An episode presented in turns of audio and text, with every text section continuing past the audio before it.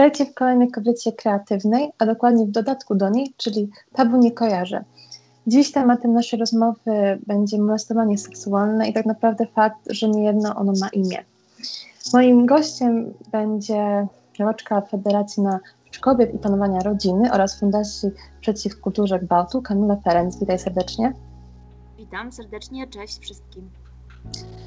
Zanim porozmawiamy o takich konkretnych scenariuszach, chciałam Ci zadać może z pewnym, pewnym kwestii tak naprawdę dość oczywiste pytanie, choć wiem, że tak naprawdę bardzo ważne do poruszenia, czyli e, fakt, że tak naprawdę czy molestowanie seksualne opiera się wyłącznie na e, kontakcie cielesnym, czy tak naprawdę występuje wielu większych i mniej może dla każdego, kto się nie spotkał do końca z tym tematem na co dzień, e, scenariuszach bardzo nieoczywistych czasami.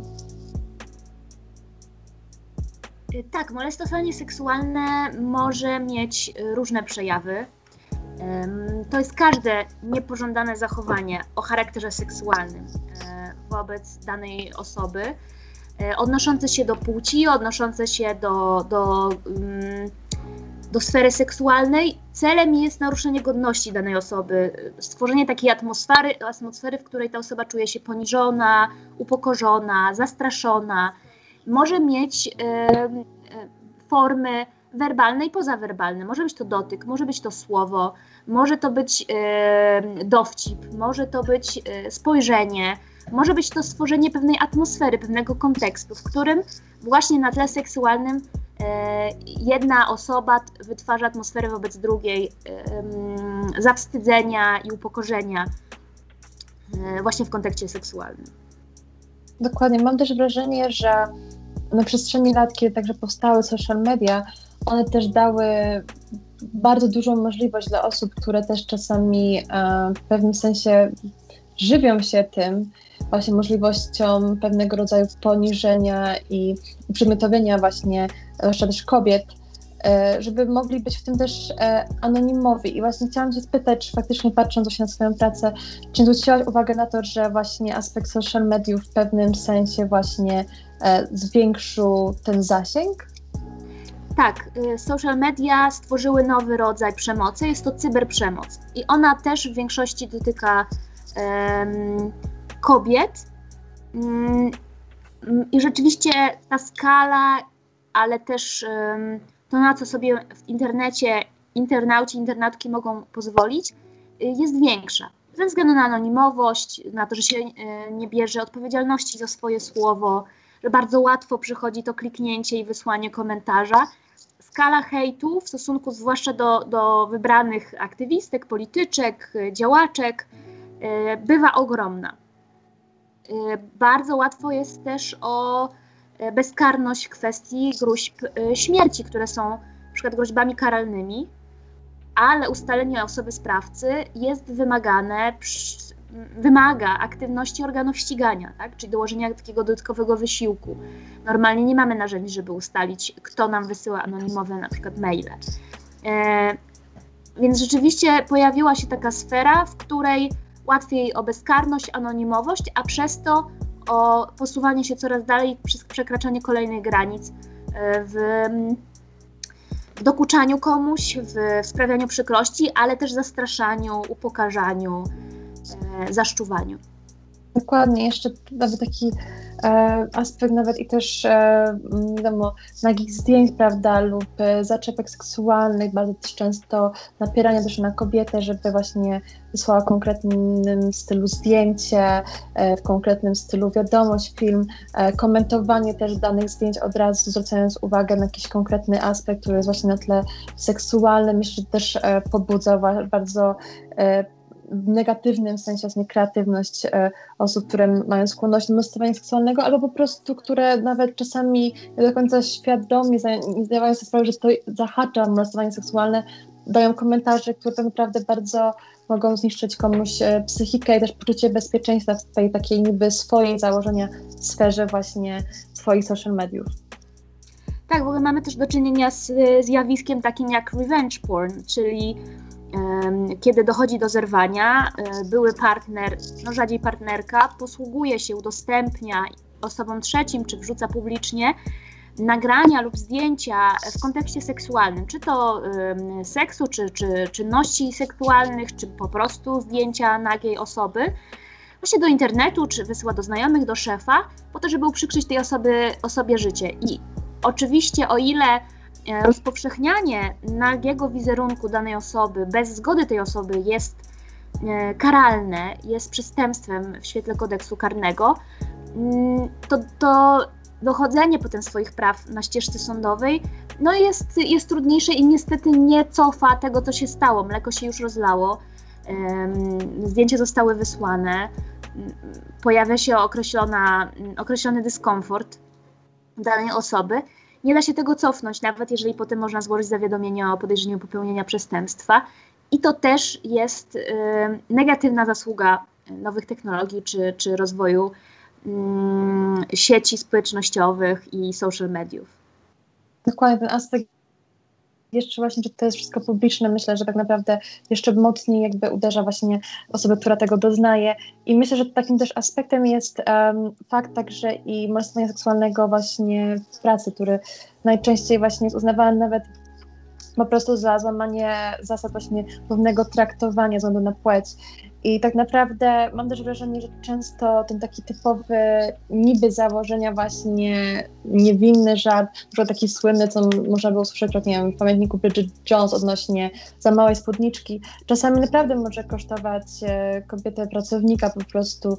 E, nawet chęć e, odejścia z pracy, którą, która na sobie ceniła lub ceni, bo gdzieś to się zaczyna robić coraz mocniejsze w uderzeniu właśnie ich psychikę po prostu.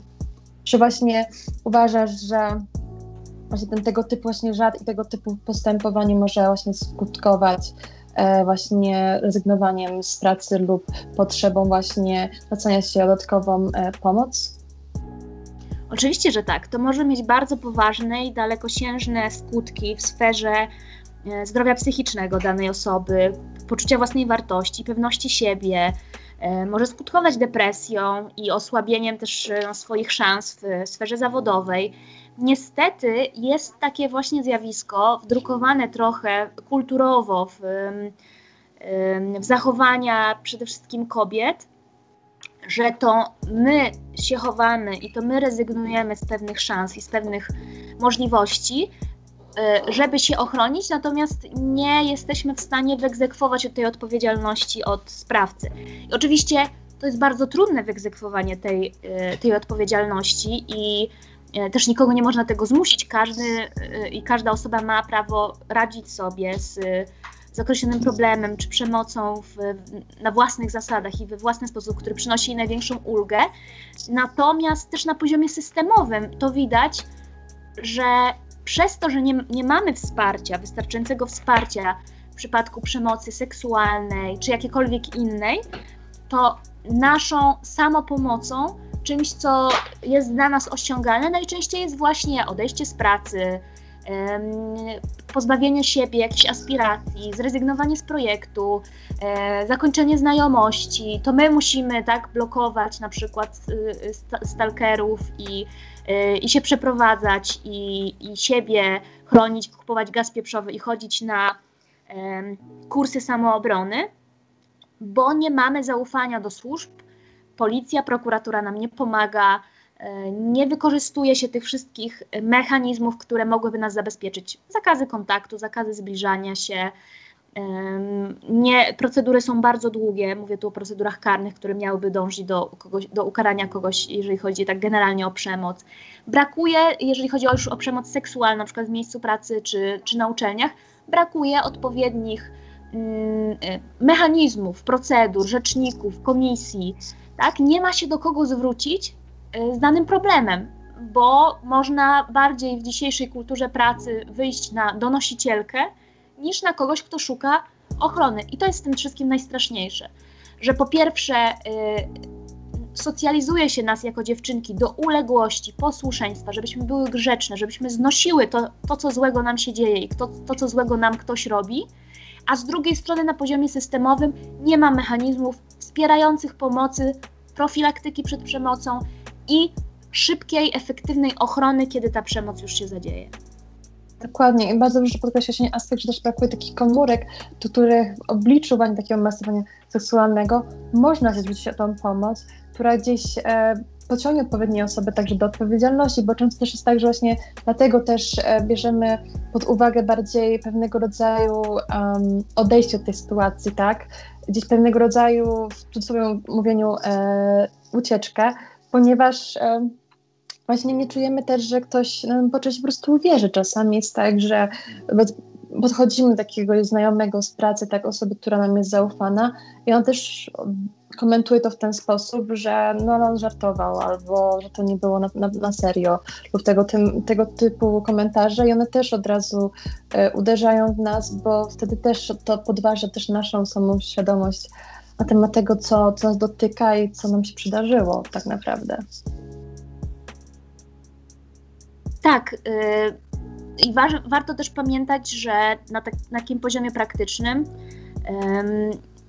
że warto jednak reagować na pewne rzeczy i to właśnie reagowanie i przełamywanie tego, ty, ty, tych schematów przemocy, no, pozwoli nam trochę od, odwrócić ten trend kulturowy, w którym to my jesteśmy zepchnięte do roli ofiar, a ktoś ma nad nami sprawczość, tak? Tak już sama nazwa sprawca może powinno się mówić, tak jak powtarza to Maja Staśko, oprawca e, wobec sto, osób stosujących przemoc czy, czy molestujących e, seksualnie. E, no i trzeba cały czas apelować tak na zaś do miejsc pracy, do uczelni, do instytucji publicznych, niepublicznych, organizacji i tak firm, żeby zawsze stworzyć przynajmniej bardzo proste procedury działania, żeby było wiadomo, że na przykład do tej skrzyneczki można wrzucić opis problemu, że regularnie odbywają się warsztaty antyprzemocowe, antydyskryminacyjne, które mówią, co to jest molestowanie, jak w środowisku pracy e, to molestowanie, molestowanie seksualne może wyglądać i gdzie są granice, e, których nie wolno przekroczyć, albo co do których trzeba uważać, bo one nie są pewne, na przykład zależą od względów kulturowych albo od czyichś preferencji. Natomiast zasadą jest, że powinniśmy mieć większą uważność w takich miejscach publicznych albo do osób trzecich, których nie znamy i których granic nie znamy, bo lepiej jest jakiegoś żartu nie powiedzieć, niż powiedzieć i kogoś e, nie tylko urazić, ale po prostu właśnie skrzywdzić poprzez molestowanie seksualne. Więc wszelkiego rodzaju warsztaty, szkolenia, swego czasu też dla jednej z po prostu firm, korporacji, która ma siedzibę na, w Mordorze, tak, czyli ty, tym skupisku korporacji, przeprowadzam takie y, szkolenia dotyczące molestowania seksualnego. Y, to jest y, środowisko pracy takie z osób z, z różnych krajów, nie, tylko urodzonych i wychowanych w Polsce. W związku z tym trzeba było ustalić pewien wspólny program działania, ale też wspólne wartości wyznawane w biurze, tak? Czego nie robimy, co do czego, jak mamy wątpliwości, to jak się zachować i gdzie te wątpliwości rozwiać i jakie mogą właśnie być konsekwencje dla kogoś, jeżeli wykonamy jakiś gest, który dla nas może być neutralny i przyjazny, a dla tej osoby będzie czymś bardzo niekomfortowym. Dokładnie i właśnie dobrze, że poruszyłaś ten temat edukacji, bo właśnie do mnie chciałam się odwołać, bo według e, właśnie statystyk Agencji Praw Podstawowych Unii Europejskiej e, było właśnie wykazane, że tak naprawdę od 40 do 55% kobiet właśnie w Europie doświadczyło molestowania seksualnego, ale w tym także i kobiety, dziewczęta w wieku nawet 15 lat.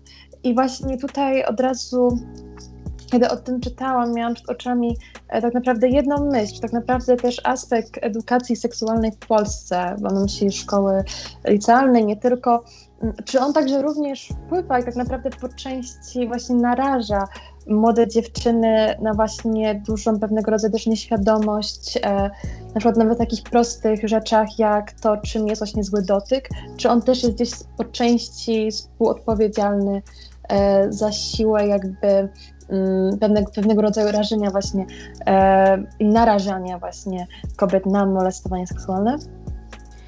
Tak, brakuje nam edukacji y, w szkole, już na tym nawet podstawowym poziomie, o stawianiu granic, o asertywności, o mówieniu nie i mówieniu o tym, co nam nie pasuje, jakie mamy emocje, jakie mamy uczucia, jakie mamy potrzeby, nikt nas tego tak naprawdę nie uczy. W ogóle polska szkoła uważam, że nie uczy bardzo wielu potrzebnych rzeczy, takie jak krytyczne myślenie, czy, czy dyskutowanie, czy wymienianie się argumentami, kreowanie, konstruowanie argumentów.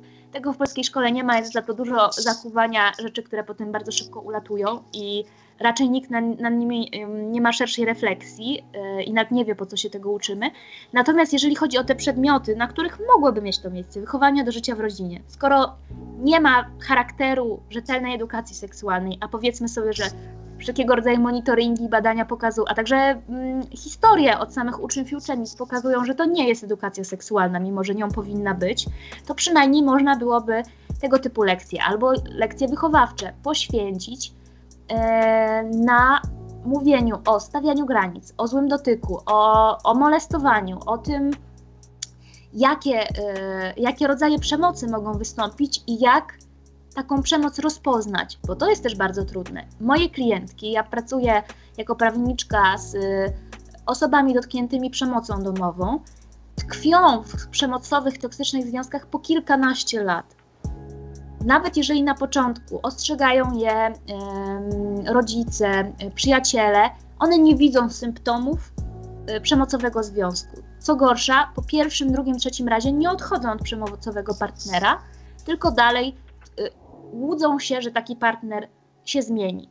I nie mówię tego, żeby je napiętnować i powiedzieć, że same sobie są winne. Absolutnie nie, bo ja też wiem, jakie mechanizmy działają. Tylko właśnie musimy być świadome tych mechanizmów uzależnienia od sprawcy emocjonalnego, ekonomicznego.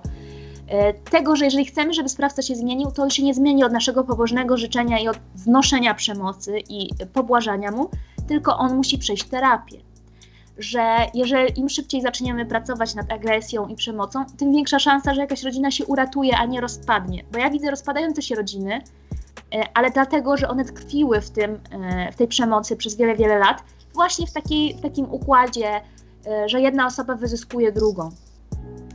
Więc gdybyśmy już jako małe dziewczynki o tym słyszały, tak, co jest podejrzane, co jest niebezpieczne, co może się zdarzyć, tak, że na przykład bardzo mocno się zakochamy i ta osoba wykorzysta nasze, nadużyje naszego za, za, zaufania, to może byłybyśmy bardziej czujne i szybciej reagowały, kiedy nam się to przytrafi.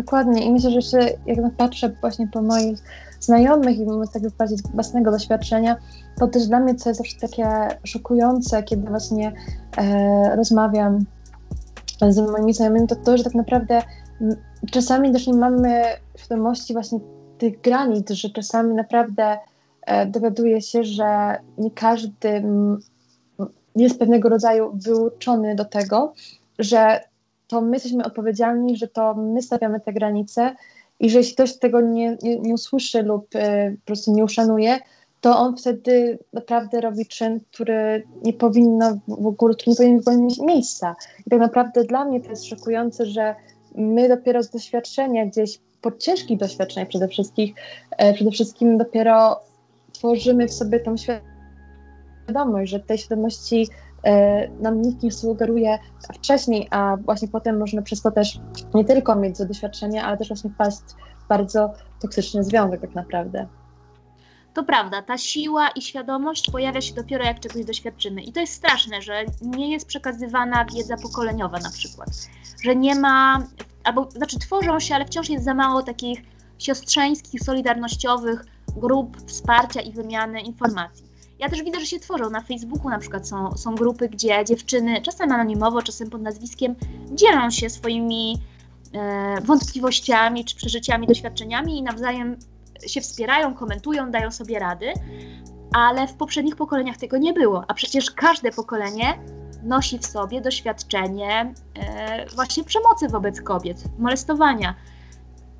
To jest, to jest rzecz oczywista, że my, my, dziewczynki, kobiety, jesteśmy bardziej narażeni na przemoc. Tak naprawdę od urodzenia żyjemy w, w, w, cieniu strachu, że coś nam się stanie, tak? To my mamy uważać i nie wracać nocą z imprezy, nie iść nocą same przez park. To my ciągle musimy szukać towarzystwa, opiekuna, protekcji, bo to na, na, na nasze e, życie, zdrowie, na naszą integralność cielesną, na naszą autonomię seksualną e, cały czas ktoś dybie. E, w związku z tym dziwne jest, że rzeczywiście nie słyszymy tych historii od, od naszych babć, mam, Raczej jest taka wersja zastraszania, aniżeli dawania dobrych rad. I, i, I szkoda, że właśnie tej wymiany, wymiany wiedzy nie ma. Może będzie w przyszłych pokoleniach, może teraz się zawiązują takie więzi, bo ta świadomość powinna być od początku, ale też bardzo, bardzo ważna rzecz, która może się pozornie wydawać niezwiązana z tematem, ale jest fundamentalna, czyli wzmacnianie poczucia własnej wartości. U dziewczyn, u kobiet, u każdej osoby. Ja nie mówię, że tylko kobiety padają ofiarą przemocy. Są też mężczyźni. W ogóle patriarchat, który moim zdaniem jest yy, po części źródłem tej przemocy, jest kwestią wyzysku jednej yy, grupy osób nad drugą. I tak się w polskich realiach, nie tylko polskich, ale przede wszystkim w polskich złożyło, że najczęściej grupą wyzyskującą są mężczyźni e, nad kobietami. Ale może to się dziać również e, wobec mężczyzn, tak? Czyli e, silniejsi mężczyźni wobec tych postrzeganych jako słabsi chłopców czy, czy mężczyzn. To też się zdarza, taki rodzaj bullyingu, a także molestowania. Stąd tak bardzo ważne jest jest wzmacnianie u każdej małej istoty, u każdego dziecka poczucia własnej wartości, tego, że jest cenne, jest wa ważne takim, jakim jest i, i zasługuje na miłość i nie musi na tę miłość zapracować, na przykład znoszeniem przemocy potem w przyszłości. Dokładnie. Dokładnie. W sensie bardzo, bardzo, bardzo zgadzam właśnie, że to też właśnie budowanie tej zdrowej samooceny i tej właśnie poczucia wartości jest też bardzo ważne.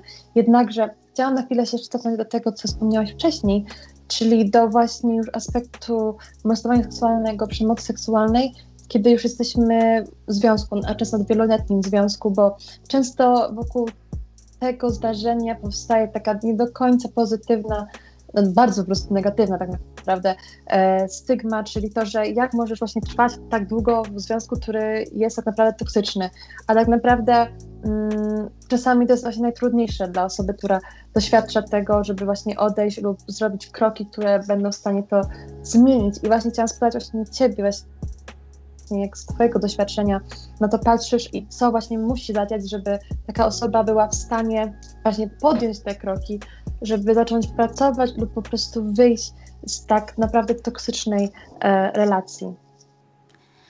Po pierwsze, takiej osobie średnio pomagają mm, wszelkiego rodzaju ultimatum e, w stylu albo my, albo on. Tak, jeżeli rodzice stawiają tak sprawę, to to tylko pogarsza sytuację e, emocjonalną tej osoby, e, bo to, bo to jest trochę jak narkotyk.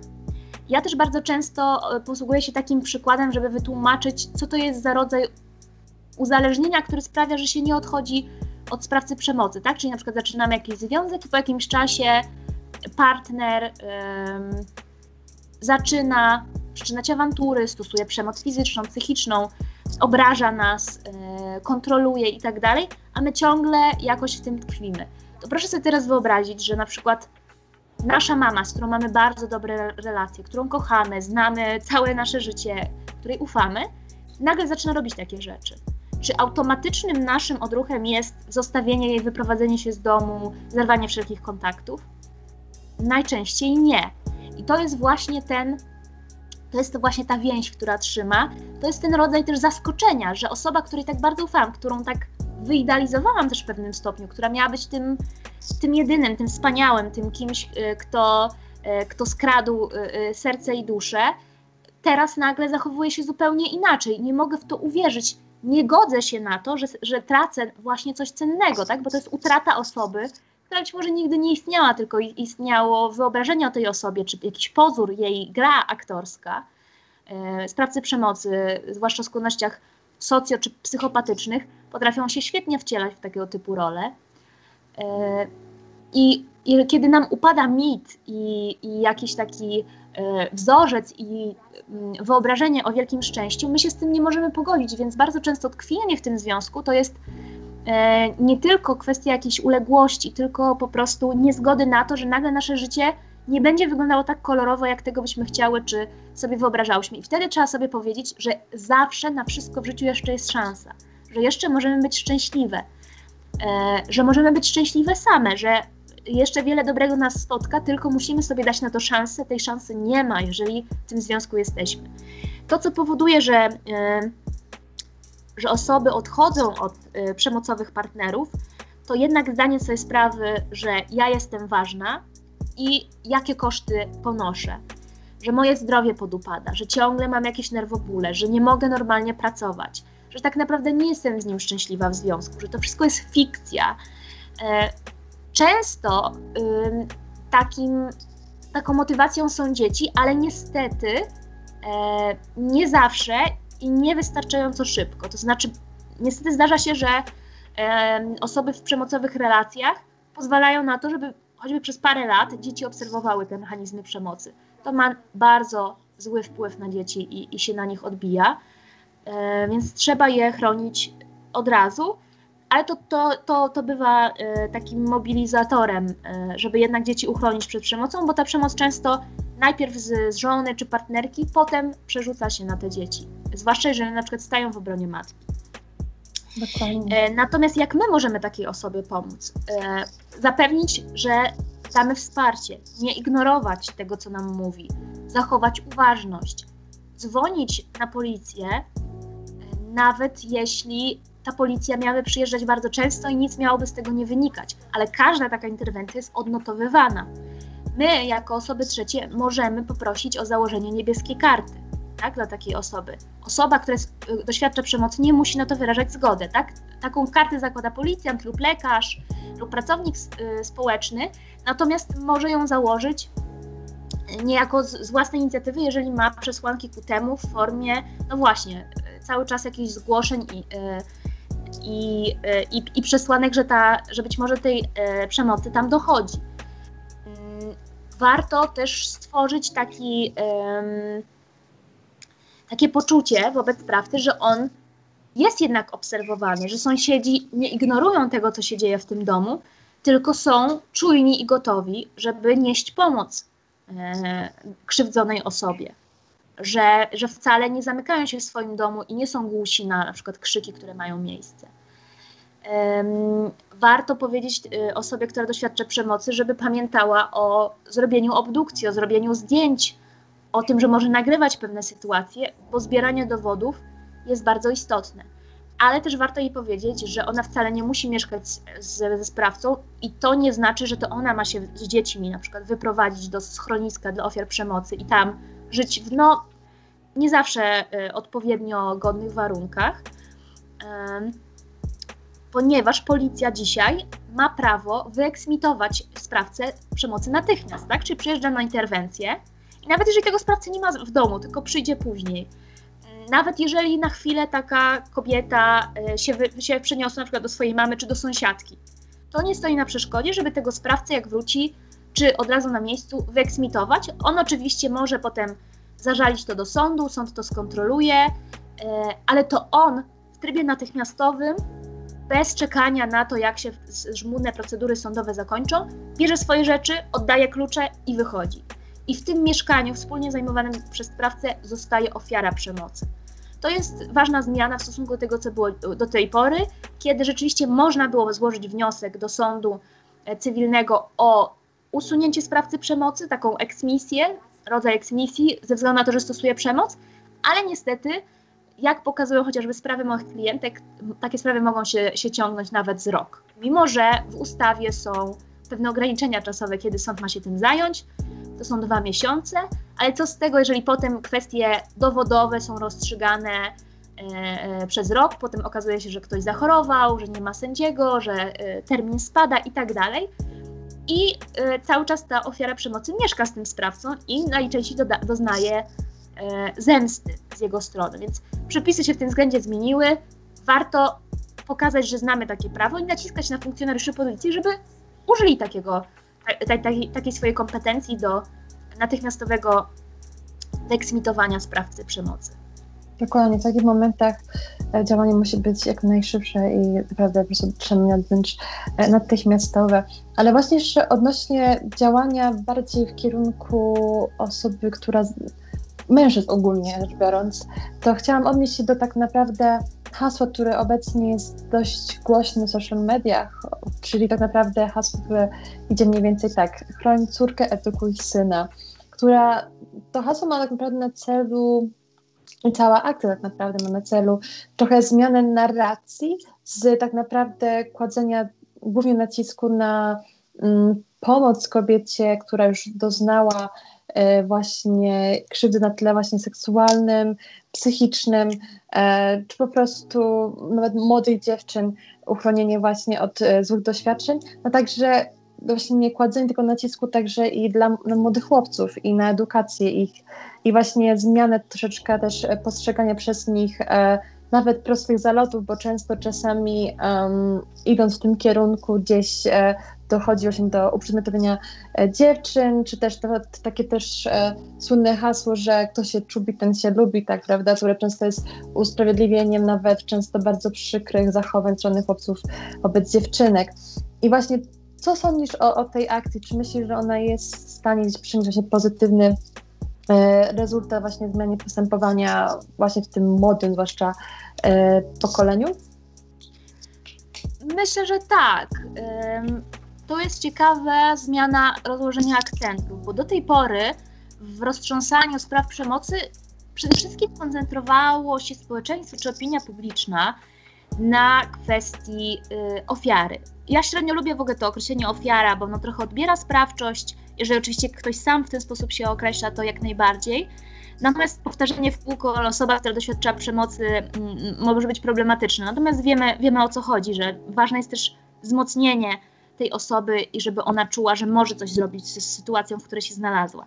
Ale do rzeczy. Yy, cieszę się, że z przesunięcia akcentów i już nie tylko patrzymy na to, co oczywiście było naganne, yy, czy przypadkiem ofiara nie prowokowała, czy to nie jest jej wina, czy wystarczająco dobrze się chroniła, czy, e, czy się zabezpieczała, tak? czy, czy stosowała środki ostrożności. Cały czas to na niej leży wina, leży odpowiedzialność, leżą obowiązki, w tym wszystkim znika sprawca, tak? Gdzie on się podział?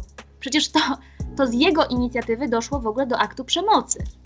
Nie ma żadnej okoliczności, która usprawiedliwia, usprawiedliwiałaby przemoc, chyba że to jest obrona konieczna albo działanie w stanie wyższej konieczności. To są jedyne momenty, kiedy taka przemoc jest usprawiedliwiona. No i może jeszcze wojna, ale tego przykładu nie lubię, bo, bo nie jestem zwolenniczką e, działań wojennych. E, natomiast, no chyba, że jest to jakaś wojna obrończa, powiedzmy. Natomiast to hasło pokazuje, że w całym społeczeństwie my wszyscy mamy pewne obowiązki. To my mamy chronić dziewczynki, córki, tak, tutaj te, te e, użyte w tym haśle, i to my mamy edukować chłopców, że to oni muszą w końcu wziąć odpowiedzialność za swoje czyny, oni muszą być świadomi. I że być może e, na, nasza kultura i nasza socjalizacja tych chłopców sprawiła, że oni nie do końca nawet rozpoznają swoje czyny, bo uważają, że taki jest model męskości, że mają być macho, że mają być silni, że mają wyzyskiwać, że mają pokazywać swoją, swoją wyższość i siłę. Ja czasami jak wracam do filmów czy seriali sprzed, sprzed dekady czy sprzed dwóch dekad, to jestem porażona. I czasami to były moje y, ulubione tytuły. Jestem porażona poziomem seksizmu.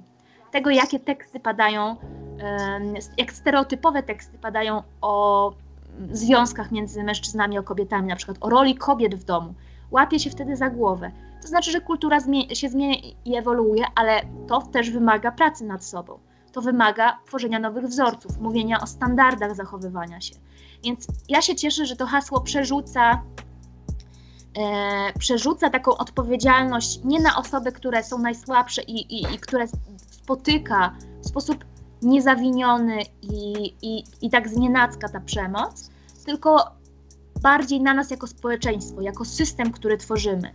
Że to my musimy stworzyć mechanizmy obronne i to my musimy zapobiegać przemocy. I to jest też y, coś, do czego nawołuje konwencja stambulska, konwencja antyprzemocowa, która w ostatnim czasie jest y, przedmiotem tak gorących ataków ze strony fundamentalistów i, i, i y, w Sejmie leży projekt dotyczący zgody na wypowiedzenie tej konwencji, co mnie bardzo, bardzo martwi, bo ta konwencja jest nam potrzebna, żeby chronić e, ofiary przemocy, ale ta konwencja właśnie o tym mówi.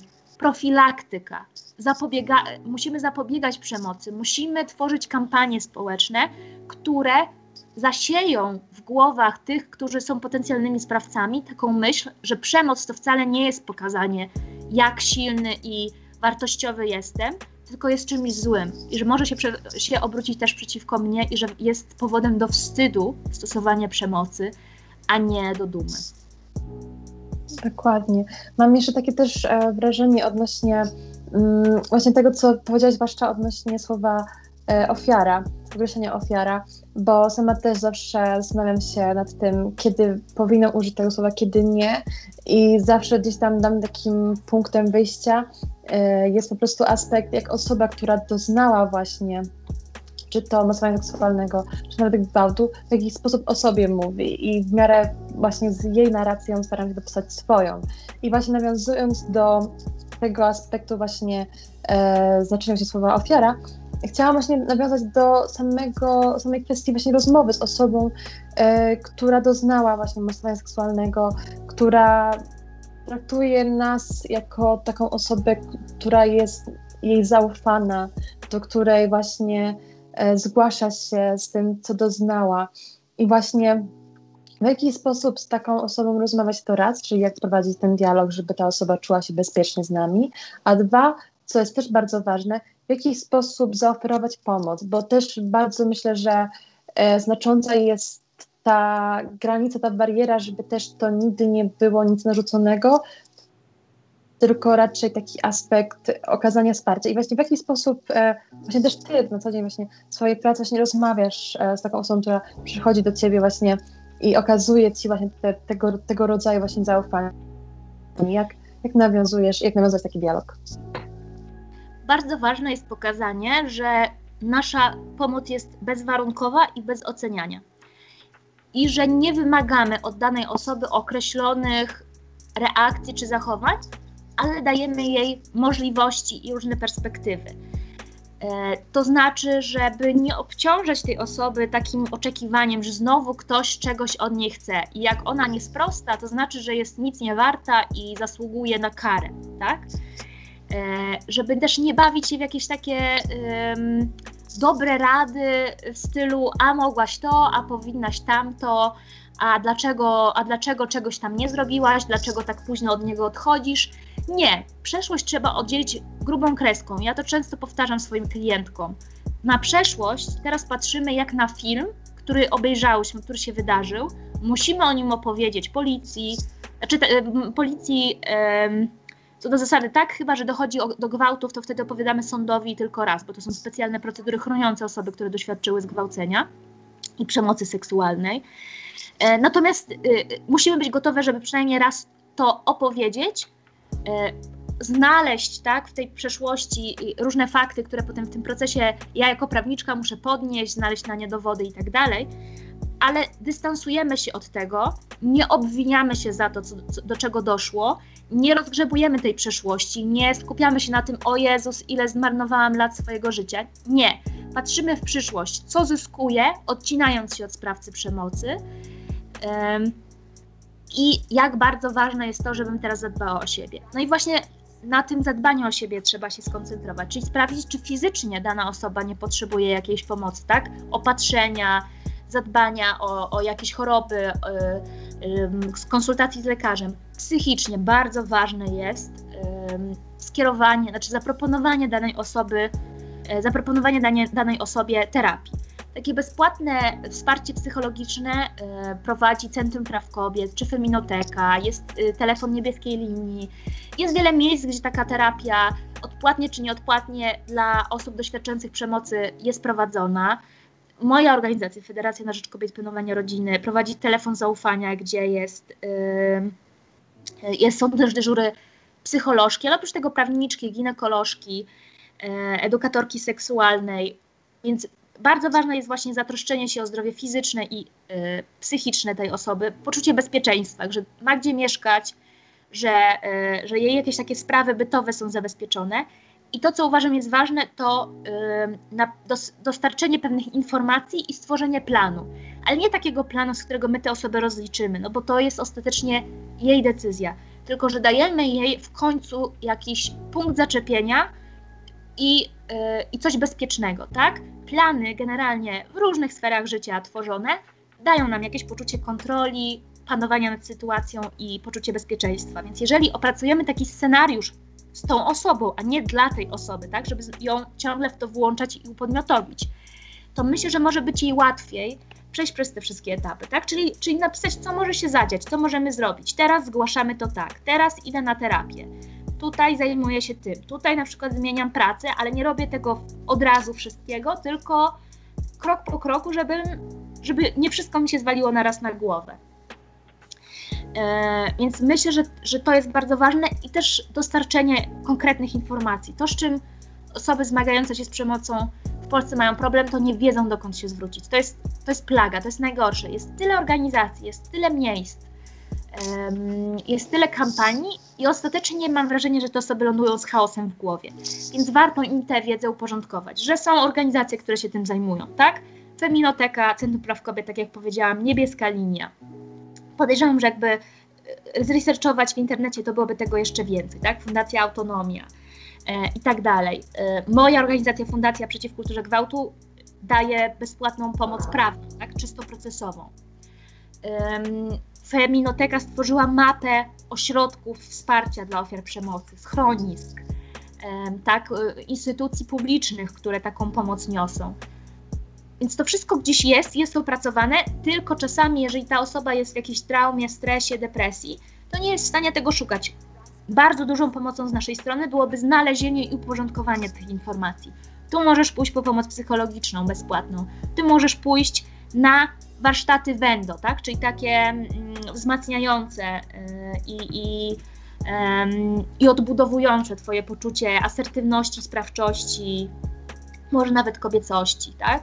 Tu możesz pójść, żeby porozmawiać z innymi osobami w podobnej sytuacji, albo tu jest forum internetowe, gdzie anonimowo możesz się odgadać, tak? Możesz napisać, co cię spotkało. Tutaj dostaniesz pomoc prawną. Tutaj masz wzory dokumentów, które trzeba wypełnić, i tak dalej, i tak dalej myślę, że to jest bardzo, bardzo y, duża pomoc y, dla takiej osoby.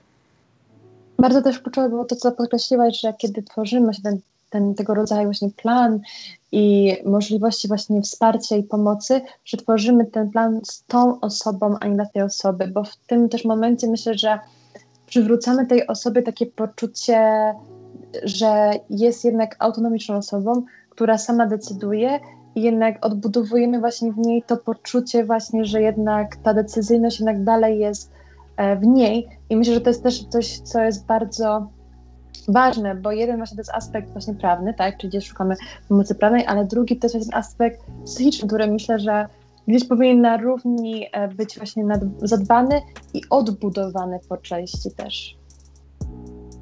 Dokładnie tak. I wa warto też dać poczucie tej osobie, że jesteśmy z nią, że możemy czasem gdzieś z nią pójść, tak, towarzyszyć jej, że nie jest z tym sama.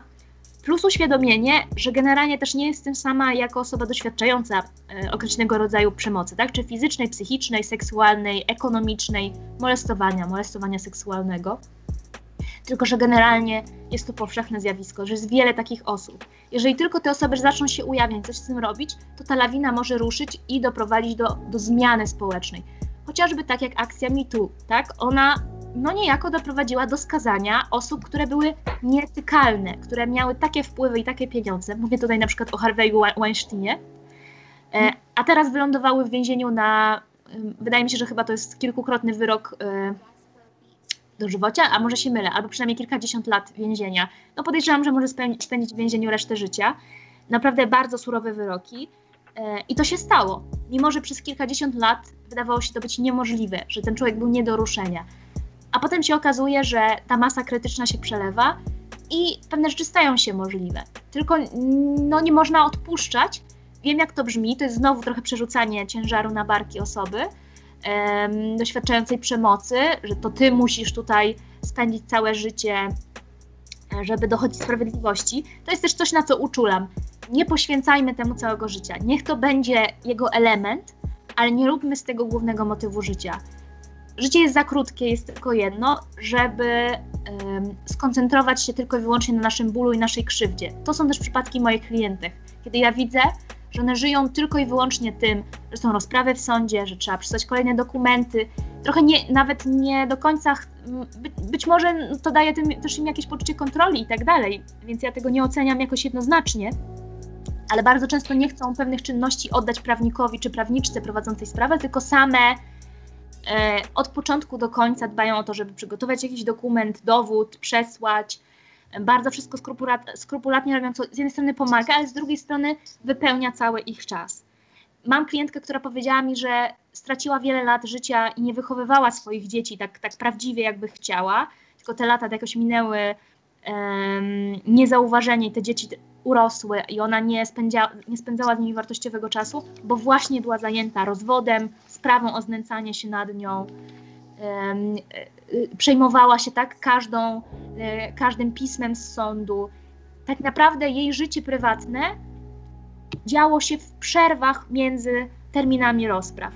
I do tego też nie możemy dopuścić i warto przestrzec takie osoby przed tym, żeby nie było tak, że umrzemy w jakimś poczuciu frustracji, a niestety polski wymiar sprawiedliwości przynosi bardzo dużo frustracji. To nie jest, na pewno to nie jest jedyny, a nie zawsze jest skuteczny też sposób dochodzenia sprawiedliwości. Czasem być może łatwiej jest nam pewne rzeczy zamknąć i przepracować na terapii albo jakimiś swoimi własnymi sposobami.